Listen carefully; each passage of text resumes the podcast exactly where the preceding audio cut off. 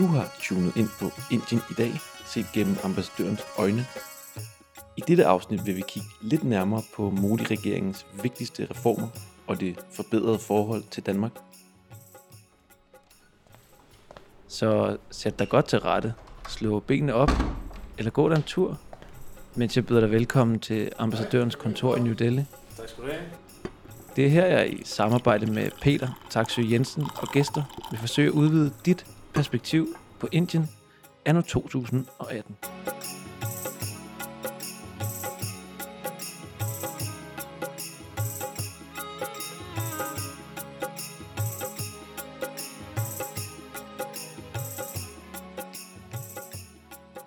Vi har jo længe vidst, at Indien ville blive en stormagt. Øh, at øh, det forhold, at de har 1,3 millioner, øh, milliarder mennesker, at det er en enorm ung arbejdsstyrke, der er her, at det vil være noget, der kommer til at fylde mere på den globale økonomiske scene, og også på den politiske scene. At vi nu har fået en regering, som øh, sætter rammer om det, øh, for, for etableret nogle øh, reformer, som øh, stikker langt ud i fremtiden, øh, fremtiden og gør det er meget sandsynligt, at Indien, øh, om man så må sige, de bum på vejen mod at være verdens næststørste økonomi i 2050, de bliver mindre, fordi nogle af de øh, ting, der skal øh, på plads i, i det indiske samfund for at opnå det, dem er der begynder man at tage hånd, hånd om. Så vi har vidst fra dansk side, at Indien ville være vigtigt både politisk, men også økonomisk. Og Modi har sådan set øh, bare gjort det endnu mere vigtigt øh, for Danmark at se at komme på banen i forhold til Indien. I september 2013 bliver Narendra Modi udpeget som premierministerkandidat for det indiske parti BJP. Efter en stor sejr ved valget i 2014 fik BJP mere end fordoblet deres mandattal med 31 procent af stemmerne. Modi han er jo sådan i spidsen for et land i transformation, og øh, jeg synes, det har været fire spændende år, øh, også fire gode år for Indien. Øh, han har sat en masse store reformer i søen. Øh, nogle af dem har taget lidt lang tid med at komme ombord, men hvis man ser over, sådan, hvad der har været af udvikling over de sidste fire år, så må man sige, at det er øh, en, en god karakter, han får med pil opad, fordi øh, Indien bliver transformeret, og under hans ledelse, så er der sat retning på, øh, på Indien. I de seneste årtier har Indien været forbundet med en vis protektionisme, men den nuværende regering forsøger gradvist at åbne Indien op og integrere sig i de globale værdikæder. Men Modis regering er også gået ind i kampen mod korruption. For eksempel ved reformerne Demonetization og GST. Det vil vicepræsident i Observer Research Foundation, Gautam Chikamane, fortælle lidt mere om. Han er nemlig ekspert i indisk økonomisk politik. Demonetization, when in November 2016, uh, the government demonetized or turned the uh, 500 and 1000 rupee notes as illegal. Uh, they were no longer valid. This was done to uh, control black money, uh, stop cross border terrorism, uh, terror financing, fake notes, etc. Uh, the most important of them being the control of black money. This resulted in a lot of uh, hardship, financial hardship for the citizens of India, for the informal sector, and in particular the real estate and sectors that were be- that were dependent on the cash economy. The second um, very important policy and possibly the biggest reform and the most complex law in the history of independent India is the introduction of goods and services tax uh, launched on 1st of July 2017. Um, why I call it the most complex reform is because it includes one constitutional amendment, 101st constitutional amendment, followed by four central laws, followed by 29 state laws, and seven notifications for the union territories. Uh, putting all this together into a single um, unified tax system, indirect tax system, is a major feat. Uh, to that extent, Modi needs to be credited for it.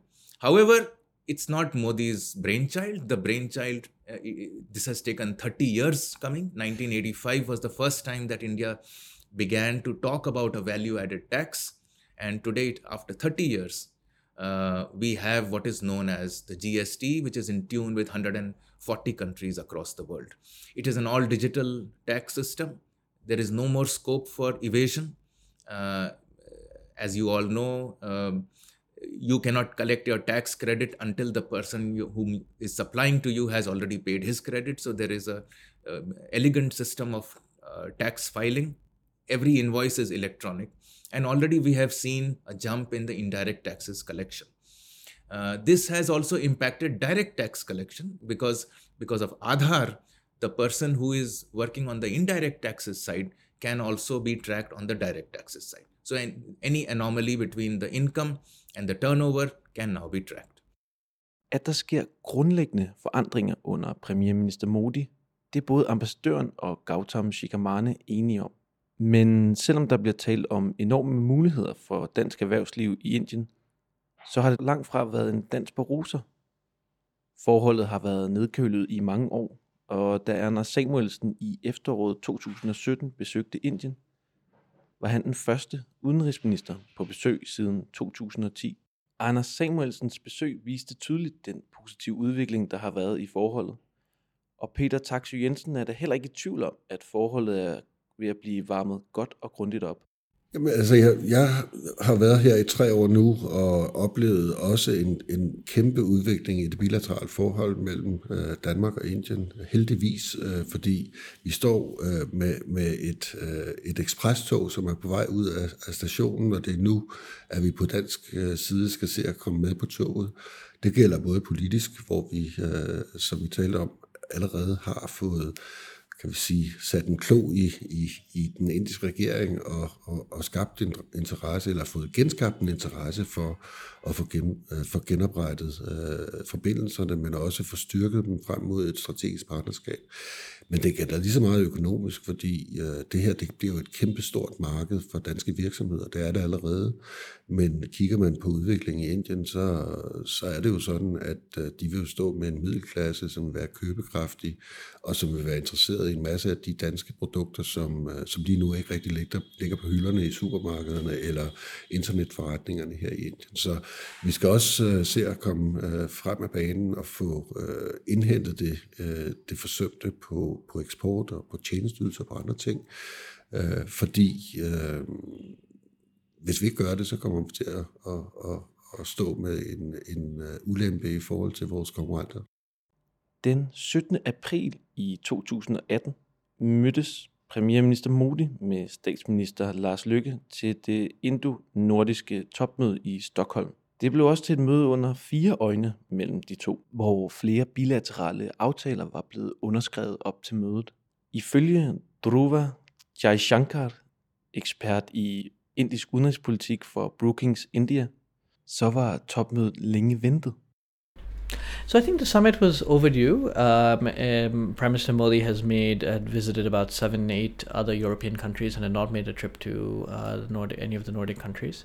Um, and as I have pointed out, and I, I, wrote an article in the Hindustan Times when it happened, and, and you know the combined the five Nordic countries have an economy, the GDP larger than Russia's, uh, and they also offer a whole range of uh, you know whether it's uh, from trade and industry to culture uh, to just a social welfare system that India can learn a lot from. Uh, the Nordic countries offer a lot uh, for that India can benefit from, uh, and so it's it's it's very worthwhile for India to engage with the Nordic countries for all these reasons. Um, so I think it was long overdue and welcome, and I think it was quite significant on the part of the Nordic leaders that this was only the second time they'd done a summit like this. The first one being for President Obama in the U.S., and I think that that's an indicative of uh, the respect and recognition that they have for India as well. Peter Taksø Jensen er glad for, at opblødningen kommer netop nu, hvor Indien står over for kæmpe forandringer og økonomisk vækst. Jamen, Jeg synes, vi er kommet i smult vande. Vi har været ude i noget af en bølgegang i, i, i nogle år. Øh, og heldigvis for det, fordi det er nu øh, toget forlader stationen her i Indien. Og øh, de øh, politiske kontakter, der har været mellem vores to regeringer, har været rigtig positive. Øh, det sidste møde, der var mellem statsminister øh, Lars Løkke Rasmussen og premierminister Modi, var meget positivt. De var begge to enige om, at nu var tiden kommet til at udløse det potentiale, der er i det bilaterale forhold mellem Danmark og Indien. Modi kan sagtens se, at vi har meget at byde på i det danske samfund, at øh, mange af de reformer og øh, omstillinger, det indiske samfund har behov for, at der har vi faktisk teknologi og viden øh, til at gå ind og understøtte den udvikling. Det var det for denne gang. Tak fordi du lyttede med. Tilrettelæggelse og interview var foretaget af Ashima Sachdeva og jeg. Øh, det er også mig, der har stået for den endelige redigering. Mit navn er Alexander Majdal Jeppesen. Vi høres ved.